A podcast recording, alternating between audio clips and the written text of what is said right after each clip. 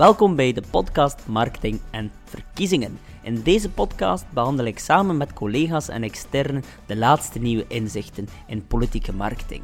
We hebben het over topics als personal branding, nudging, neuromarketing en big data. Ik wens jullie alvast heel veel inspiratie. Als jullie vragen hebben, mogen jullie mij altijd contacteren via reinoud.exposure.be. Jullie doen ons een plezier door een reactie na te laten op deze podcast of eventueel een reactie te geven op Google op exposure.be. Alvast heel veel inspiratie gewenst.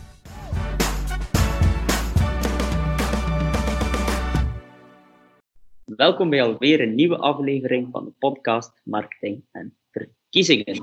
We zitten nog steeds in onze reeks jongere voorzitters in de Belgische of de Vlaamse politiek. En deze keer hebben we Philippe Brusselmans aan, uh, aan het woord. Uh, welkom, Philippe. Goedendag. Laten we even starten met uzelf even uh, kort voor te stellen. Ik ben dus Philippe Brusselmans met mijn 22 jaren op de teller, het jongste Vlaamse parlementslid ooit uh, in dit land. En ik ben tevens ook sinds kort of sinds enkele maanden jongere voorzitter van, uh, van de Vlaams Belangjongeren. En in het parlement hou ik mij uh, vooral bezig met cultuur. Het jongste parlementslid ooit. hoe, hoe loopt het op dit moment in het Vlaams parlement? Wel, ik moet zeggen dat ik eigenlijk vrij rap mijn draai heb gevonden. Je weet natuurlijk, je doet mee aan verkiezingen je raakt dan verkozen, maar je weet op voorhand niet volledig wat dat nu, nu juist inhoudt, eh, die job. Maar ik moet zeggen eh, dat dat zeer positief is meegevallen. Ik doe het ontzettend graag. Ik eh, zet mijn tanden ook al enkele maanden in, in verschillende dossiers waar ik al mijn energie en soms ook frustratie wel in, wel in kwijt kan. Maar ik doe het ontzettend graag. Ik merk ook wel dat we af en toe ook kunnen wegen op het, um, op het beleid. En uh, kijk, dan kom ik als een tevreden man hier zitten. Ja, en op welke, welke dossiers focus je voornamelijk? Well, ja, zoals ik net al aanhaalde, uh, het is vooral cultuur. En dan binnen wonen doe ik voornamelijk onder het erfgoed. Maar ik denk dat alle cultuurdossiers mijn, mijn dagelijkse core business zijn. Mm -hmm. Dus onlangs met het met de, de, verschillende debatten over de cultuursector. Uh, dat was dan, dan keek men binnen Vlaams Belang voornamelijk naar u. Ja, inderdaad. Hè. Dus ik mag dan uh, optreden als de cultuurexpert uh, voor onze partij.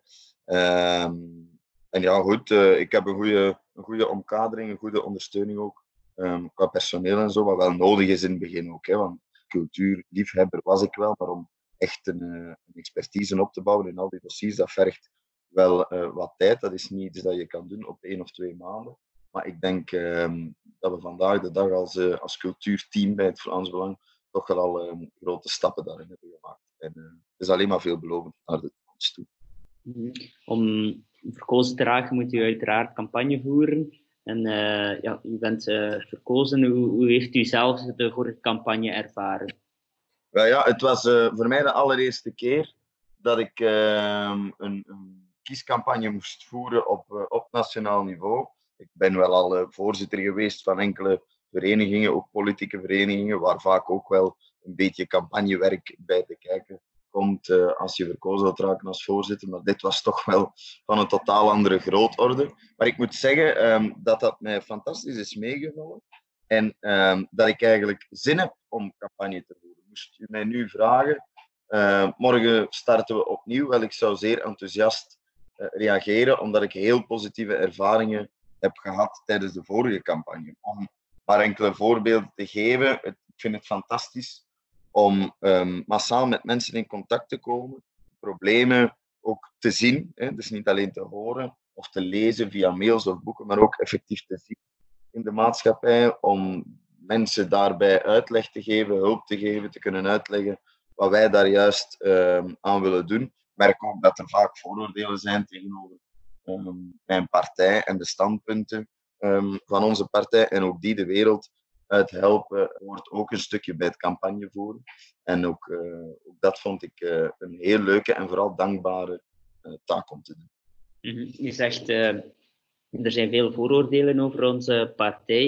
Je probeert deze dan uit, ja, uit te klaren. hoe pak je dat dan aan? Want stel je, je, je belt ergens aan, er is een campagnetijd, u belt ergens aan, maar ja, u wordt niet onthaald zoals u verwacht had. Hoe ga je daar dan mee om? Ja, goed. Ehm, als mensen de deur half dicht gooien nadat ik mijn openingszin heb gedaan, dan heeft het ook niet veel zin meer om, om te blijven staan. Ik ben geen, uh, ben geen aandringer, ik ben geen uh, voet tussen de deur verkoper. Uh, maar vaak merk je wel als er, als er een opening is, dat je daar, daar moet inspringen en, en mensen uitleg geven. Vooral luisteren en op de mensen hun vragen antwoorden. Dat zijn de twee grote sleutelelementen van een geslaagd huisbezoek, als we het, als we daar dan over hebben. Of dat is toch althans uh, mijn visie daarop. Maar wij proberen natuurlijk op verschillende uh, manieren die vooroordelen de wereld uit te helpen. Ik denk aan onze website bij Vlaams Lang Jongeren hebben we altijd een specifieke rubriek gehad met enkele vooroordelen opgelijst die we dan de wereld uithelpen. Hè, zoals bijvoorbeeld dat het Vlaams Belang niet zou willen dat vrouwen werken en dat ze aan de haard moeten zitten, wat natuurlijk totaal ridicuul is. Dus een of andere leugen die de wereld is ingestuurd. En ook uh, zo proberen we dat uh, de wereld uit te helpen. En um, misschien nog een laatste puntje, iets waar dat we extra gas bij gaan geven de komende maanden. Een tandje bijsteken is ook om op andere sociale media, zoals TikTok, bijvoorbeeld ludieke filmpjes te maken waarin we die vooroordelen um, ook gaan proberen te ontkrachten. -hmm. We kunnen straks eventueel nog terugkeren op het TikTok-verhaal, want ik had al een filmpje van u gezien. Maar laten we even terugkeren naar die deur op huiscampagnes. Uh, je zegt ja, openingszin, moet ik me daar uh, iets uh, Tinder-achtig bij voorstellen? Of hoe, hoe, pak je dat dan aan? Een, een Tinder-openingszin is niet dezelfde als de openingszin die ik gebruik als ik bij enkele nobele onbekenden ga, ga aanbellen. Dat zou me een beetje vreemd lijken. Ik denk niet dat mij dat in dank zou worden afgenomen. Wat ik eigenlijk gedaan heb, is, is de klassieker als in Goedendag, ik ben Philip Westmans, Vlaams Belang. En ik eh, kwam even horen of dat u uh, nog vragen heeft omtrent ons partijprogramma, of wat dat uw noden zijn uh, bij deze verkiezingen, waar dat u op let. En vrij snel heb je door of er, of er die, die opening is of niet. Je hebt mensen die zeggen, ah fantastisch, eindelijk een politieker aan mijn deur, die ook eens wilt luisteren. Maar je hebt ook mensen die zeggen, ik moet geen politiekers hebben aan uh, mijn deur. Maar dat, uh, dat verschil uh, wordt zeer snel duidelijk. Ik heb vele malen de deur bijna letterlijk tegen mijn neus gekregen, maar ik heb ook veel meer de deur volledig open gehad. Ehm, dat ik zelfs werd binnen uitgenodigd voor een, een koffie of een thee. Ook al waren ze niet altijd van dezelfde politieke strekking als ik, maar veel mensen vinden het juist leuk dat er eens naar hun geluisterd wordt. En dat ze ook eens kunnen praten met iemand die in de politiek zit, wat toch vaak heel ver weg lijkt hè, voor sommige mensen. Wat niet vreemd is. Ik zeg al vaker dat uh, vele politici, vooral de traditionele partijen, in een soort ivoren toren leven. En wij proberen dat net niet te doen door tussen de mensen te staan. En die huisbezoeken zijn daar echt een zeer belangrijk element in, in dat verhaal. Vlaams Belang heeft uh, ja, zeer sterk gescoord de vorige verkiezingen. Uh, was dat iets dat u ook uh, voelde tijdens de huisbezoeken? Ja, dat wel. Al moet ik toegeven dat het resultaat nog boven mijn verwachting was. Hè. Natuurlijk merk je, niet alleen bij huisbezoeken, hè, maar bij marktbezoeken. Um, of als je rondes doet in, in, bij kleine zelfstandigen of in horecazaken enzovoort. Ja, dan merkte je wel dat er een verandering in kiesintenties op til was. Um, maar dat die zo groot ging zijn, dan moet ik eerlijk toegeven, dat had uh, zelfs ik niet durven dromen in mijn stoutste dromen. Uh, mm -hmm. Dat uh, was moeilijk te voorspellen. En ja, natuurlijk naast de huisbezoeken hebben we ook nog de sociale media, waar daar TikTok ook onder valt. Um, hoe zou je zelf, moest je nu, ja, je hebt nu enkele jaren ja, het permanent campagne voeren, laat maar zeggen. Dus niet enkel de campagnefunctie van de verkiezing, maar permanente campagne voeren. Hoe, hoe schat jij eh, de huisbezoeken in belang in ten opzichte van sociale media? Ik denk dat uh, wanneer we de tijd zouden terugdraaien naar 2018, dan zou ik op die vraag antwoorden op een percentage van 100. Dat sociale media 80% aandeel heeft in, in uh, belangrijkheid bij campagne voeren en huisbezoeken 20. En ik denk dat als u mij diezelfde vraag stelt in 2022, dat die verhoudingen volledig omgekeerd gaan liggen. Dus ehm, ik zie een shift gebeuren op dit moment al van sociale media terug naar de straat, back to the roots. Um, daar zijn vele factoren dat daarin meespelen natuurlijk. Eentje die voor mijn partij zeer belangrijk is, is dat sociale media vaak vandaag de dag veel aandacht krijgen um, naar een roep om censuur enzovoort. Um, ook politieke advertenties die gefnuikt worden hè, op Twitter mag er niet geadverteerd worden. Nu gaat ook binnenkort Dat is natuurlijk voor alle partijen zo. Ja, maar uh, ik merk wel dat er vaak met een, een, meer kritische bril of een politiek gekleurde bril naar onze berichten wordt gekeken. Hè. Dus je hebt inderdaad zo feit dat je niet meer mag uh, adverteren op Twitter is voor alle politieke partijen, maar wat niet voor alle politieke partijen geldt op Twitter, is dat wij geshadowband worden en niet geverifieerd mogen worden. Um, binnen de kortste keren staat er um, op uh, tweets van ons een soort omkadering, een duiding bij, als het ware dat de mensen die het lezen op Twitter niet zelf een oordeel zouden kunnen maken. En ik zie daar een evolutie in, een zeer gevaarlijke evolutie. En dat gaat zeer sterk opkomen, zeker nu met de Amerikaanse presidentsverkiezingen, uh, waarin we toch ook wel al, uh, al hier en daar verschuivingen zien op sociale media naar meer censuur, naar de zittende president van de Verenigde Staten dan nog wel toe. Dus dan weet ik dat uh, wij, mijn partij, het volgende slachtoffer zijn van, ehm, van die elite. Dus daarom, en zijn natuurlijk nog andere redenen. Maar mede daarom gaat het weer veel belangrijker worden om op straat te komen. Een tweede grote reden is ook, um, mijn inziens, dat je altijd innovatief moet zijn als partij. En je moet gebruik maken van tactieken die een andere partij niet zozeer onder de knie heeft.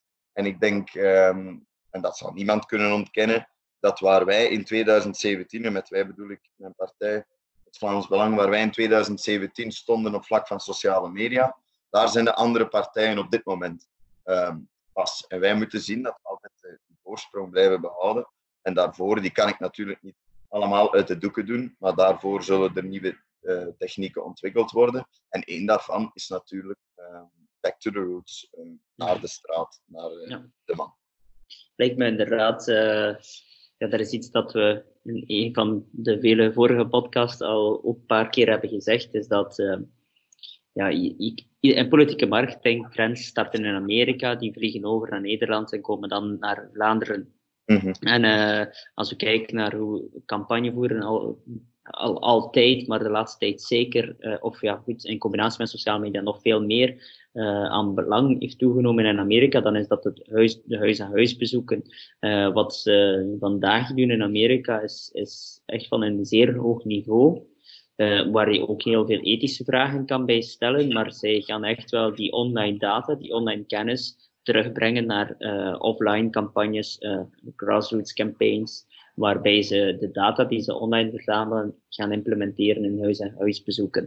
En daar bestaan in Amerika al heel veel verschillende tools voor, van walksheets tot, tot uh, suggestieve vragen, of vragen die gesuggereerd worden op basis van die persoonlijke data. Dus uh, ja, goed, het is een zeer, uh, zeer opvallend cijfer, hè, dat het omgekeerd zou zijn, 80-20. Maar er, als we kijken naar de trends uit Amerika en, en in Nederland, dan daar, ja, dat is zeker een voorziene evolutie. En uh, misschien nog even uh, dan naar TikTok, een van die nieuwe sociale mediakanalen binnen de politieke marketing althans, is uh, TikTok. Ik, ik zag een filmpje van u waarin u iets, iets ludiek deed ten, ten voordele van de voorzitter van Vlaams Belang. Um, dus binnenkort mogen we nog meer van die filmpjes verwachten. Jammer genoeg wel. Jammer genoeg, zeg je? Ja, ik ik kan zelf moeilijk kijken naar dat, uh, dat filmpje waarover u spreekt. Ik, vind het, ik kan er soms kippenvel van krijgen. Beetje bizar. Maar uh, ja, we moeten mee met die trends. Hè. En uh, ik eh, ben niet de grootste fan van TikTok. Of ik zal zeggen, ik ben niet de grootste gebruiker. Maar goed, wij moeten mee waar onze kiezers zijn. En we zien een, ehm, een shift, zeker bij jonge mensen. Dus voor de Vlaamse van jongeren zal TikTok zeer belangrijk worden. Zien we shift van Facebook weg naar Instagram, naar TikTok en vaak ook nog Snapchat. Uh, maar dat is natuurlijk een, een, medium dat wij minder kunnen gebruiken uh, voor politieke doeleinden. Dus wij moeten mee die shift maken. Um, en we zullen dat ook doen. Dus u mag de komende maanden een inhaalbeweging verwachten van VBJ Want ik denk dat andere politici hier en daar wel al meer actiever zijn op, op TikTok. Maar ehm, ik ga er werk van maken. Of de filmpjes van hoge kwaliteit kunnen zijn, dat kan ik u niet garanderen, maar uh, ik ga mijn best doen. Mhm. En uh, ondanks dat u het zelf niet uh, super leuk vindt, er toch op inzetten. Ja, goed. Ehm, ik zeg het, hè, het, het hoort in het, in het totale plaatje van, van marketing. Hè, dus dan moet je mhm. daarin mee. ja. Oké, ja, er is zelf iets dat ik minder snel aanraad. Als je het zelf niet leuk vindt, uh, vind ik soms ja, dat het wel nog dat het vaak minder authentiek overkomt. Uh, maar ja, oké, okay, goed, dat is dan een keuze die gemaakt wordt en misschien uh, uh, doorheen het, door het te doen, dat het dan wel ook wel allemaal ja. meevalt. Ja, in die zin, ik zal niet de enige zijn hè, die die filmpjes maakt. Dus ik, hmm er zijn eh, genoeg mensen binnen mijn, uh, binnen mijn bestuur die, uh, die grote fan zijn van TikTok. Dus ik ja. ga dat een beetje proberen outsourcen. ik, uh, ja, ik vraag me wel af um, welke rol TikTok zal blijven spelen in, in politieke marketing. Ik herinner mij nog bij het schrijven van ook het nieuwe campagne voeren. dat we daar ook een, een groot hoofdstuk hebben gespendeerd ja, aan Snapchat. Um, verschillende voorbeelden uit Amerika ook. Um, Donald Trump gebruikt ook nog altijd Snapchat trouwens, die kan je ook nog volgen. Uh, is ook wel uh, opvallend vaak hoe, hij Snapchat gebruikt.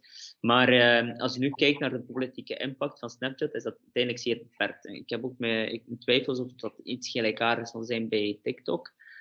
Ja, en plus ook denk ik, ja, TikTok, ik heb nu recent ook weer een nieuw artikel over gelezen, hoe, hoe lek als een zeef TikTok is op het gebied van data en hoe ja, het, alle, alle sociale media hebben privacy issues. Maar uh, bij TikTok is het mijn inziens toch nog een stap verder. Dus uh, wat zij, hoe zij je data gebruiken uh, en dan aan de luisteraar om te bepalen of het misbruiken is. Ja, het is toch zeer opvallend in vergelijking nog met andere sociale media. Maar oké, okay, dat is een, een andere discussie. Laten we terugkeren naar de sociale media ja, als ik, als ik nu zou vragen aan u van ja, sociale media, zijn die voor u een, een vloek of een zegen? De beide. Ik denk, uh, ik ga met het positieve beginnen. Het gegeven van de sociale media stelde mij en mijn partij voor de eerste keer in, um, in het bestaan eigenlijk van onze partij in staat om rechtstreeks contact te hebben met een zeer groot deel van de bevolking. De voorbije 40 of 42 jaar dat, uh, dat onze partij bestaat, waren we altijd afhankelijk um, van de massamedia, die, uh, de mainstream media, die natuurlijk een, uh, een bepaalde filter of eh, met een ander soort bril naar onze berichten kijken en in hun berichtgeving die politieke kleur van die bril daar vaak ook lieten doorschijnen. Dus mensen kregen niet of toch in zeer veel gevallen, uh, niet het bericht dat wij net bedoelden, de boodschap die wij wilden overbrengen. Daar zat ruis op. Um, en sociale media ja, heeft ons in staat gesteld om rechtstreeks met de kiezer te kunnen communiceren. En net zoals ik daar juist al sprak over die vooroordelen, hè, uh, dat ons parten heeft gespeeld de voorbije jaren. Ja, als je rechtstreeks met iemand kan communiceren, dan kan je die uh, voor een groot deel weer leggen. Dus dat is in grote lijnen het grote voordeel of de, de zegen van, uh, van sociale media. Nu, voor mij persoonlijk, ook dat, ik denk dat het voor uh, parlementsleden individueel um, ook gemakkelijker is om iets of wat bekender te worden dankzij de sociale media, uh, waar je vroeger volledig afhankelijk was in feite van je persoonlijke contacten die je al had uh, pre je politieke carrière dan in combinatie met de positie die je toebedeeld kreeg uh, van de partij uit, denk ik dat uh, een parlementslid die uh, het slim aanpakt op sociale media, zijn eigen positie kan veroveren op een, ehm, op een kieslijst of in het parlement. En daarvoor minder, ik zeg niet niet, maar minder afhankelijk is van de particratie. Uh, wat houdt dat natuurlijk wel in? Um, daar kruipt immens, immens veel tijd in. Um, ik ben daar heel veel mee bezig met mijn sociale media. Ik denk dat als ik opsta, is het eerste wat ik doe. Vroeger was dat een koffie drinken. vandaag sinds een jaar, is dat mijn Facebook openen, mijn Twitter openen um, enzovoort, om, uh, om te beantwoorden op, op duizenden krijg ik per week. Chatberichten van mensen met allerhande vragen. Um, reacties controleren, beheren enzovoort.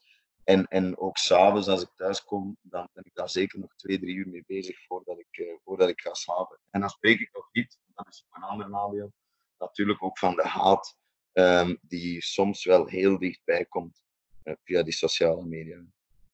Dus het heeft zijn, uh, zijn voordelen, maar zeker ook zijn nadelen. Ja, als je duizend reacties krijgt per week, hoe, hoe, hoe is dat te managen? Daar, uh, daar is geen uh, wonderoplossing voor. Er zijn vele mensen die ik uh, maar veel te laat kan antwoorden. Nu moet ik wel zeggen dat, dat ze niet allemaal concrete vragen natuurlijk. Vaak als je iets post over, ik zal u maar een voorbeeld geven, Zwarte Piet is geen racisme, dan krijg je daar immens veel berichten op. Ook in mijn privé-inbox van mensen die zeggen, inderdaad, jullie hebben gelijk. In een ideale wereld zou ik daarop antwoorden, bedankt, hè, of iets in die aard. Want daar heb ik nu eenmaal de tijd niet voor.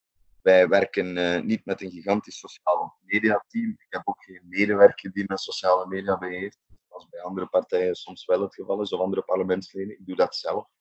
Um, maar vooral in de weekends probeer ik dat allemaal, uh, allemaal wat in te halen. Want daar zitten vaak bezorgdheden van mensen bij, maar ook uh, problemen uh, waar wij mee, mee kunnen helpen. Of, of mensen die een sociale woning willen aanvragen, het, uh, het bos door de bomen niet meer zien in de papiermolen van, um, van de overheid. Die probeer ik ook te helpen. Hè. Dat is een soort dienstbetoon um, dat, uh, dat ik dan doe om, uh, om hen een beetje de weg te wijzen.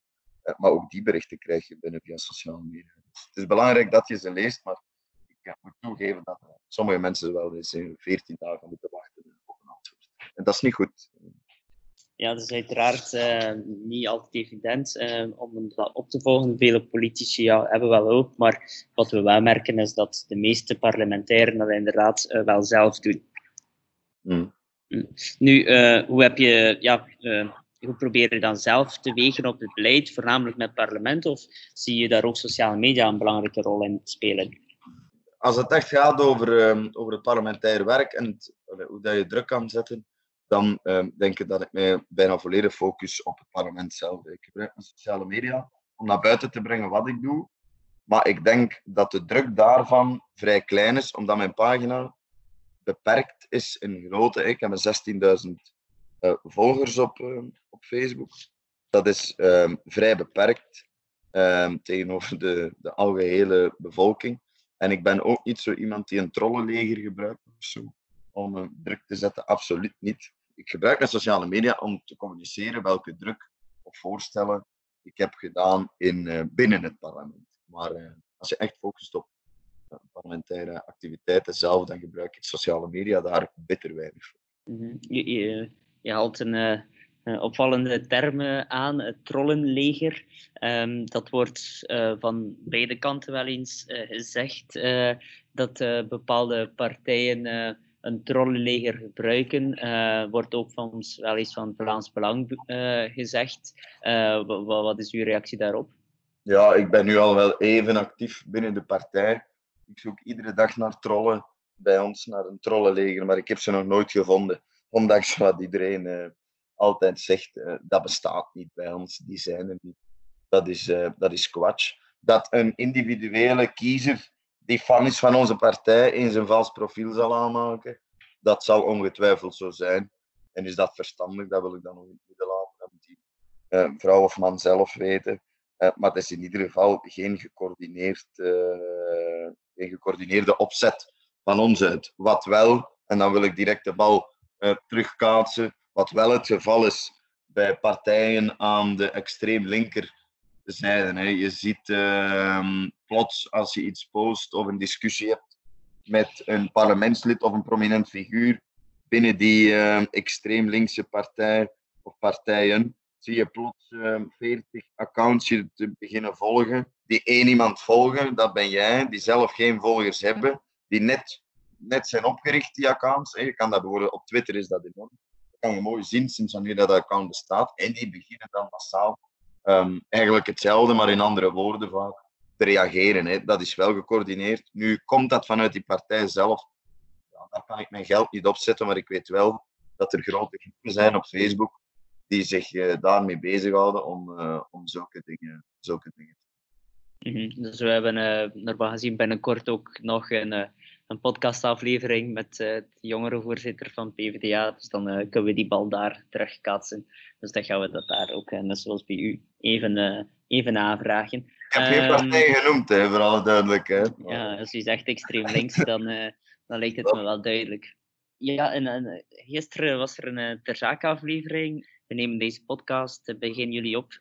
Dus eh, wanneer deze gelanceerd wordt, zal dat weer al een tijdje achter de rug zijn. Maar uh, het was een, uh, een debat tussen Vlaams Belang en, en Groen, waarin het ging over extreem rechtse mensen die volgens staatsveiligheid ehm, ja, opleidingen zouden volgen om, om, om te vechten, om, om om eventueel verder te gaan. Ehm, en daar werd gesteld dat het komt onder andere uh, volgens dan Groen uh, door de opruiende taal die Vlaams, of de opruiende manier van communiceren die Vlaams Belang uh, hanteert. wat is uw feedback of antwoord daarop? Ik zou aan iedereen aanraden om die ter zake reportage zelf eens, of debat tussen mevrouw Schoors en mijn partijvoorzitter, om dat debat eens terug te zien. En trek vooral zelf uw conclusies. Mevrouw Schoors weet niet waarover ze spreekt. Um, ze, het gaat met, voor alle duidelijkheid over twintig mensen die um, gevolgd worden door uh, staatsveiligheid, die vaak goed, ook, ik denk niet dat we over de inhoud uh, moeten, ja, of nu 20 of 100 mensen zijn, maar uiteindelijk, uiteraard is dat een belangrijke nuance. Maar uh, wat vooral, en, allez, mijn vraag is, is, vindt u dat Vlaams Belang te offensief communiceert? Of vindt u, nee, dat is allemaal correct? Nou, moest ik die hypothese volgen, waar ik absoluut niet mee akkoord ben dat het erom zou zijn dat uh, bepaalde mensen um, zulke dingen zouden doen, want ik ben er ook al niet zeker van, moest ik die hypothese volgen, dan zou men het omgekeerde kunnen stellen dat door um, het softe, extreem softe beleid van linkse partijen, um, daardoor er zoveel jihadstrijders zijn in België. Wat natuurlijk voor een deel wel waar is, maar veel heeft daar te maken met andere ideologische factoren. Om op uw concrete vraag te antwoorden, gebruiken wij opruimende taal? Ehm, ik ben van mening van niet. Hè. Wij zeggen waar het op staat, dat doen wij al jaren, dat zullen wij ook blijven doen. Dat is ook wat de kiezer, de man in de straat, aan ons apprecieert. Wij redeneren niet vanuit die ivoren toren. Wij weten wat er gebeurt um, in de straat, waar, welke zorgen de mensen daar hebben. En wij zeggen waar het op staat en hoe de Vlaming ook denkt en ik vind dat dat moet kunnen. Ehm, als politieke partij, als volksvertegenwoordiger, moet je toch het volk vertegenwoordigen. Um, en dan vind ik niet dat je daarbij een blad voor de mond moet nemen om um, bepaalde clubjes niet te, niet te kwetsen. Oké, eh, om te eindigen, laatste vraag die we vaak stellen is natuurlijk, eh, we hebben het daarnet ook al uh, aankaart, niet alle reacties zijn positief. Uh, er zijn mensen die, die aanvallen aan het reageren. En uh, ja, hoe probeer je zelf persoonlijk om te gaan met die, die aanvallen? Want uit ervaring met, met de politie die wij begeleiden is dat ondanks dat je dat heel vaak krijgt, toch nog altijd zeer moeilijk om mee om te gaan, omdat het ook heel vaak persoonlijk is en, en, en ja, toch kwetsend. Dus hoe probeer je daar zelf dan mee om te gaan? Ja, ik moet zeggen dat ik uh, op dat vlak al enige ervaring had met twee jaar prezes te zijn van een katholiek Vlaams Studentenverbond, een katholieke Vlaamse studentenvereniging, um, waarin ik ook wel alleen zijn opiniestuk, uh, of in die positie een opiniestuk durfde schrijven, dat uh, iets of wat ja, controversieel werd onthaald ook door, door de menigte en dan stroomt uw mailbox vol. Dus ja, in het begin was dat moeilijk. Maar dus aan het begin van mijn politieke, partijpolitieke carrière was ik daar wel al een beetje gewoon aan. Dat went nooit volledig. Maar ik lig daar absoluut niet wakker van. Dat kwetst mij ook niet. Vaak is het zelfs lachwekkend. Ik laat 99% van de berichten die men post, um, haatberichten die men post, laat ik gewoon staan. Die mensen maken zichzelf vaak belachelijk. Um, dus ik ben ook geen grote fan van het verwijderen van reacties. Terzij, ja, moest iemand nu, wat ook al is gebeurd, uh, wanneer iemand zegt, ik ga jou vermoorden en die zet daar mijn adres bij, ehm, openbaar. Ook, het was mijn kantoor. Um, die zet dat daarbij. Ja, goed, dat, uh, dat is de uitzondering op de regel. Die uh, berichten ga ik, ga ik verwijderen en die gebruiker blokkeren. Maar voor de rest, um, ik laat ze doen. Het, het raakt mij um, bitter weinig. Ja, het is, ik lach er eens mee als die mensen niks beters te doen hebben dan dat. dan is dat hun probleem.